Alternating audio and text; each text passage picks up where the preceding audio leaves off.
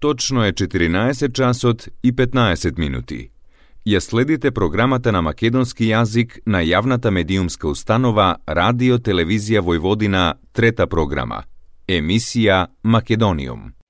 Бом, бом, пара, бом,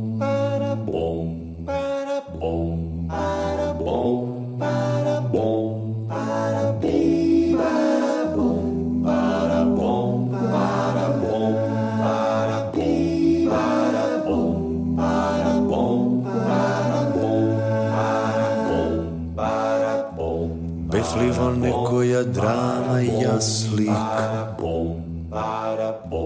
Бефли во некој циркус трик.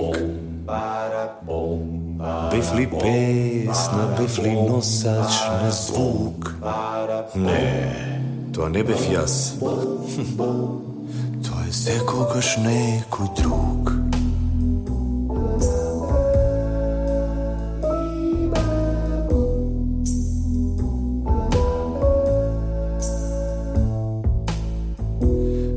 За некоја вера сомнеж. Бефли за некоја љубов копнеш Бефли за некоја завист посластица? Бефли на некоја слика мачканица?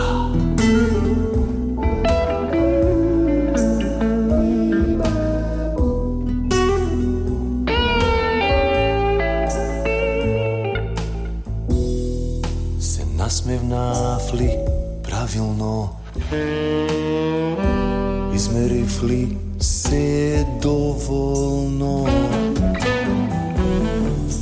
Знам, нешто и ке пројде. Абе, брат, нешто и се заглавило.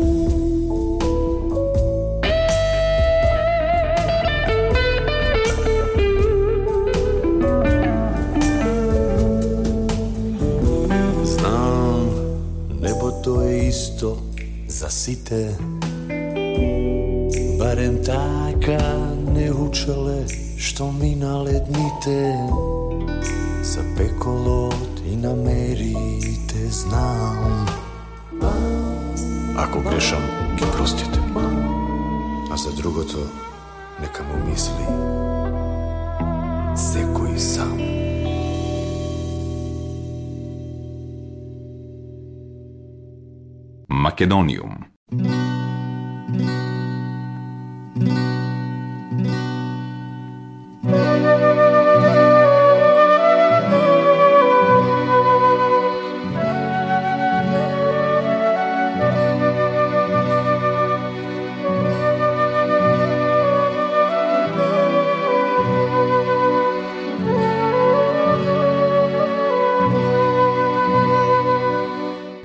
Добар ден и добре дојдовте во најновото издание на емисијата Македониум. Со вас, почитувани слушатели, е вашиот уредник и водител Јулијана Милутиновиќ, секоја среда со почеток во 14 часот и 15 минути. Денешното издание на емисијата Македониум го започнавме со новиот сингл Емој Фиц за Ивица Стојановски Фиц and the Invisibles. Една од малкуте вистински македонски поп атракции од првата половина на 90-тите години од минатиот век, групата Студени нозе е формирана во октомври 91 година како продуцентски проект на Тоше Поп Симонов. Никола Николовски Сури, Ивица Стојановски Фици, Леонид Голчев Лео се фронтменското трио кое подеднакво ги делеше вокалните делници, како во студио, така и на бројните концертни настапи, кои беа најчесто со матрица во позадина, со повремени исклучоци кога Фицки одсвиреше по некоја гитара или пак кога Лео од време на време го вклучуваше својот синтесайзер. Фиц, кој се издвојува како лидер на бендот, е единствениот со предходно музичко искуство, стекнато низ настапите со локалниот рок бенд Демијан или уште порано како 11 годишник, кој во 86-та година на фестивалот Макфест ги пееше пратечките вокали на антологиската Чиливили на Ристо Самарджиев. Студени нозе има суперхитови во периодот кој следеше, Ружна женска имам, Опинок, Педигре и практично кариерата ја завршија со еден објавен албум, Нејќу Колор телевизор. Лео и Фиц и понатаму се во музичките води, секој на свој поинаков начин, а Фиц е пејач кој остава голем впечаток со својата непосредност и преубав глас. Во денешното издание на емисијата Македониум ни гостува токму Фиц, екс-бенд лидерот на Студени нозе.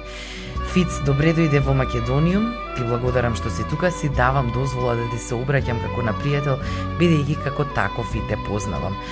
На почетокот од сцената, сега веќе низ годините и на малку поинаков начин. Иако сметам дека ти си еден од најдобрите вокали кои ни доаѓаат од Македонија, исто така мислам дека не си доволно активен на сцената во изминативе години.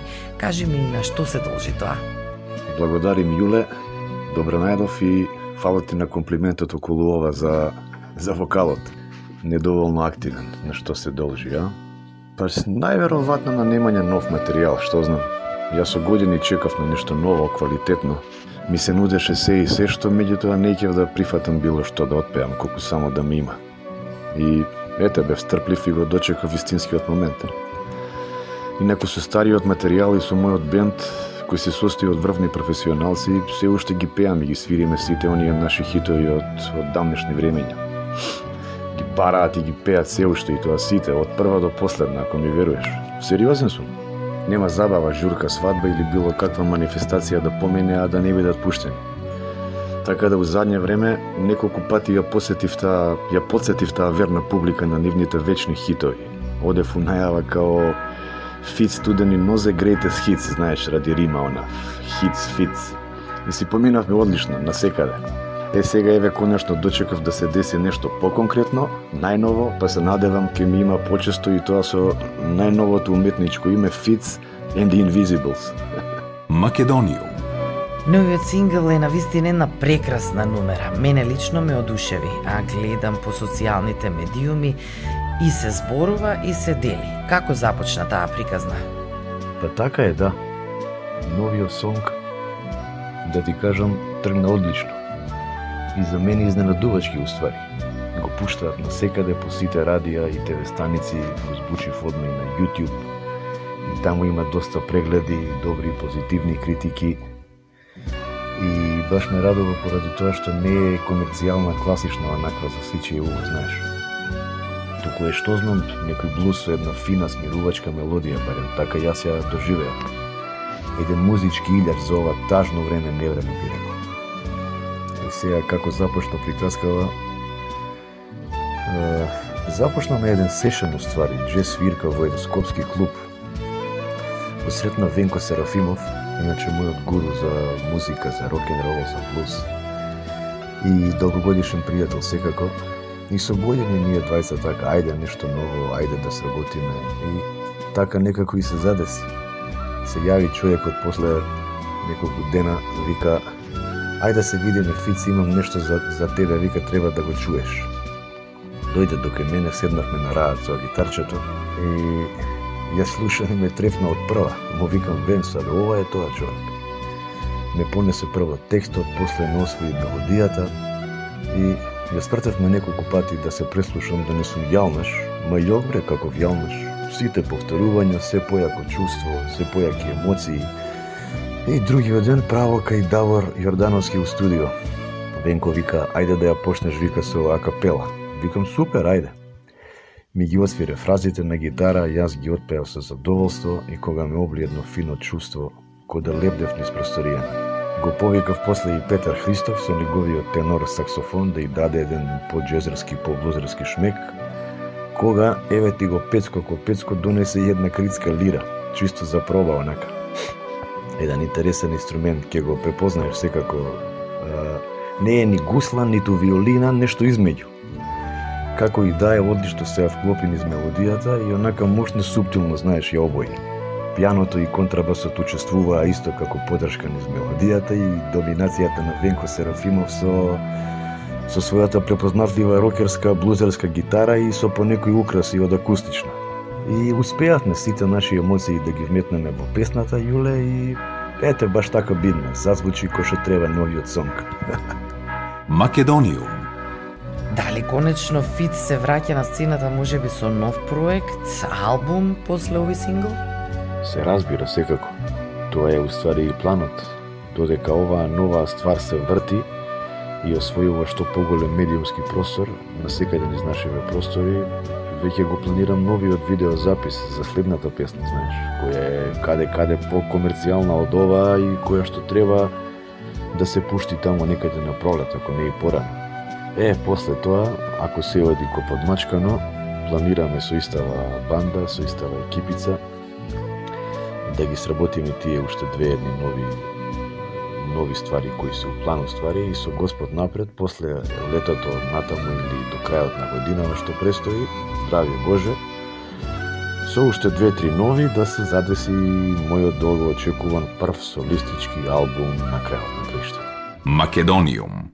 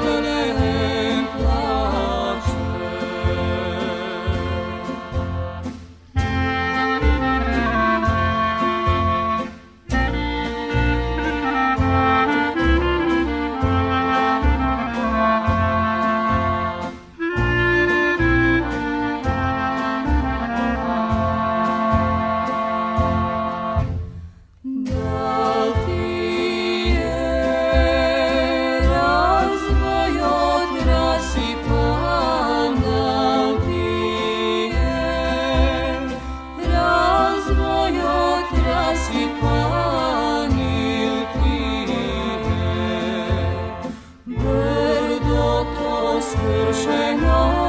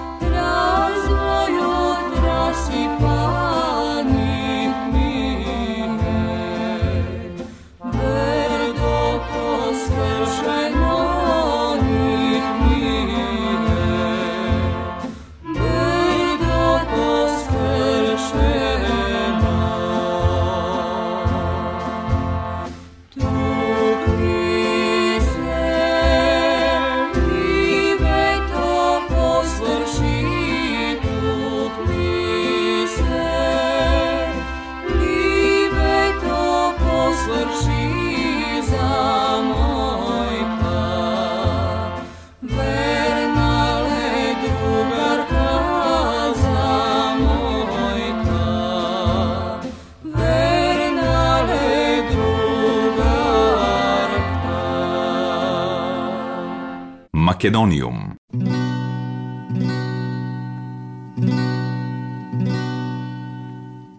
Денес со нас во Македониум е Ивица Стојановски Фиц, со него зборуваме за новиот проекти за љубовта кон музиката.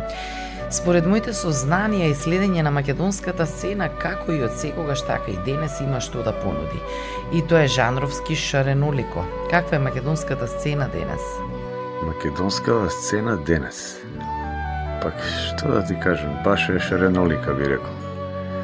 Има се и се што од квалитетни докажани пеачки, пеачи со модерни продукции, хитови, до хип-хопери, блузери, трансери, рапери, регеска и поп-R&B артисти, популарни поп-балади, стари македонски песни препеани од нови дечки на естрадава со високобуџетни спотови, кои уриваат рекорди од гледаност на YouTube каналите, па и ги пунат на секаде салите, а и еден тон истан песнички би рекол кои се снимаат джаве за потребите на нашите сиромашни фестивали и кои се изведени само еднаш или два пати и никогаш повеќе, и тоа на плейбек.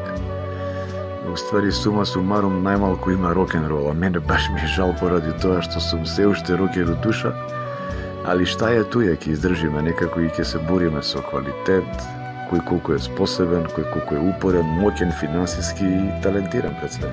Македониум.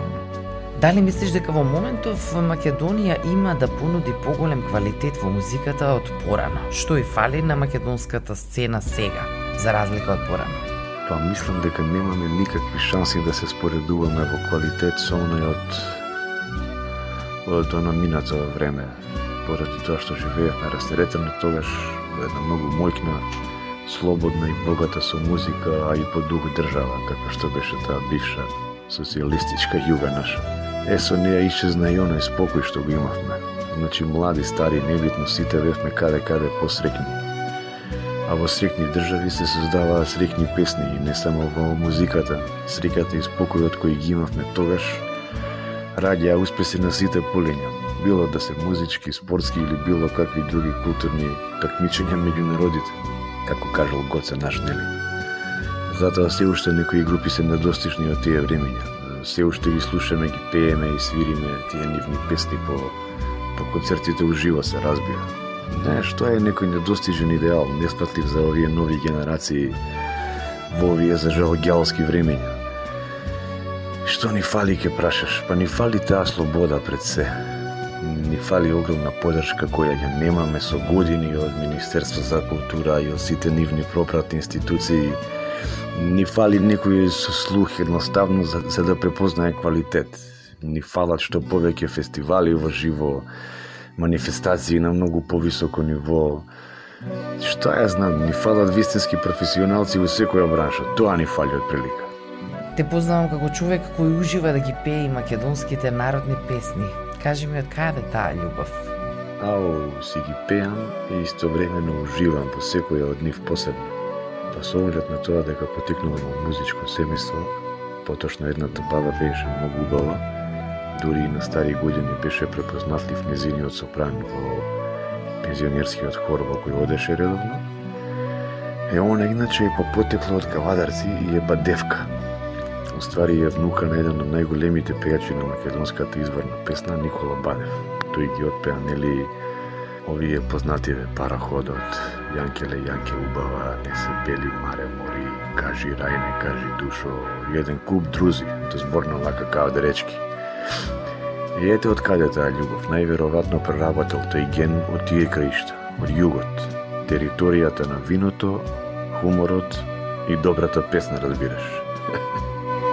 Вообичаено најтешкото прашање на музичар е прашањето за омилена песна.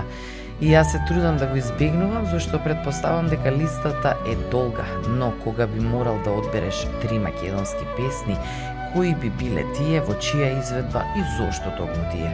Така е. Ги имам еден тон, ај ќе почнам со сите или ако не сите, барем повеќето од Лепи Сол, на пример.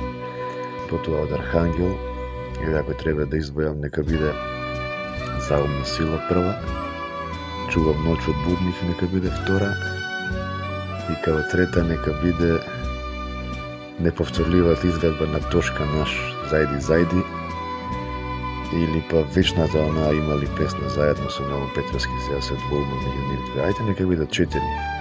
Подеднакво неповторливо изведба од 20-та, каде што не знаеш кој од кој поубаво испеа. Таму всушност и не треба да се бара победник. Едноставно човек треба само да се опушти и да ужива над, на таа магична вокална моќ на две грла не над. Овие ги одбрав моментално баш поради добриот текст споени со одлична мелодија, меѓу другото и доброто чувство кога ги слушам, но баш секогаш, поготово последниве две. Македониум.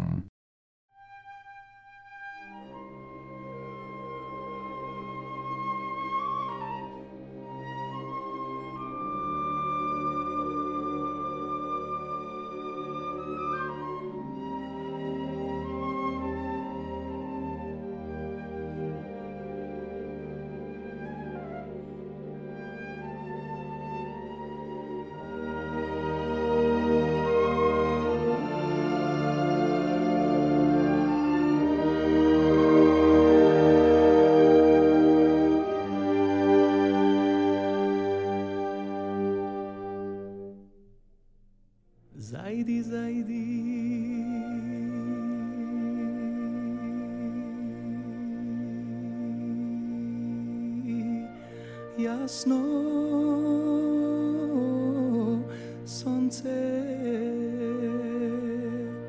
Zajdi Jasna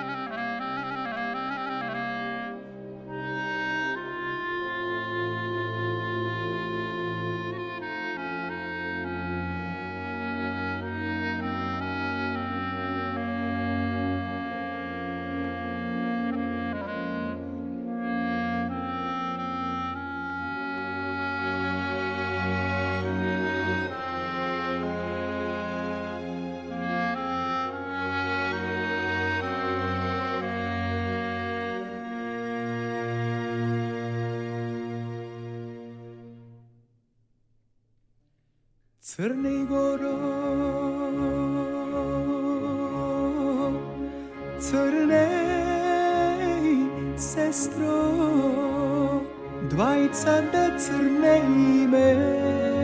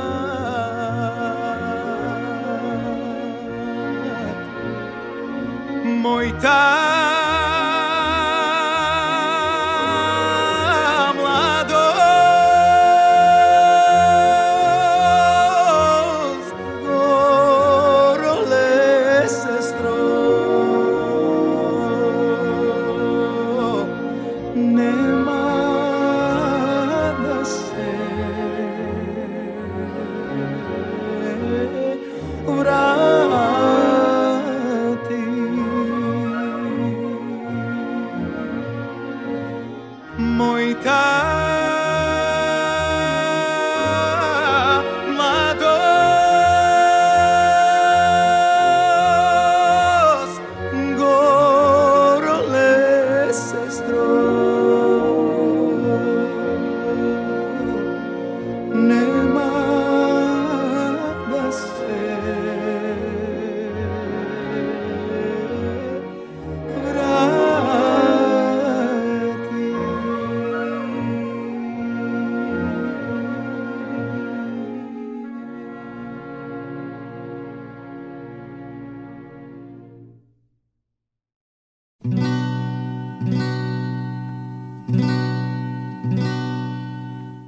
Македониум. Фиц, за крај во денешното гостување, кога нешто би можел да смениш во текот на твојата музичка кариера, што би било тоа и во кој правец би се движело тој аспект? Па ништо посебно не ми менало, знаеш. Никој не е до толку моќен да на време се огледа некои работи кон младич без да се искалени. Мислам дека созреав музички, тамам толку колку што е доволно да сработам еден баш квалитетен албум кој ќе остане да биде слушан со години без да звучам вака пред претенциозно, нели? И Може би само би ги убрзал нештава да беа побрзи, у смисол да не се чекаше толку години за мојов камбек.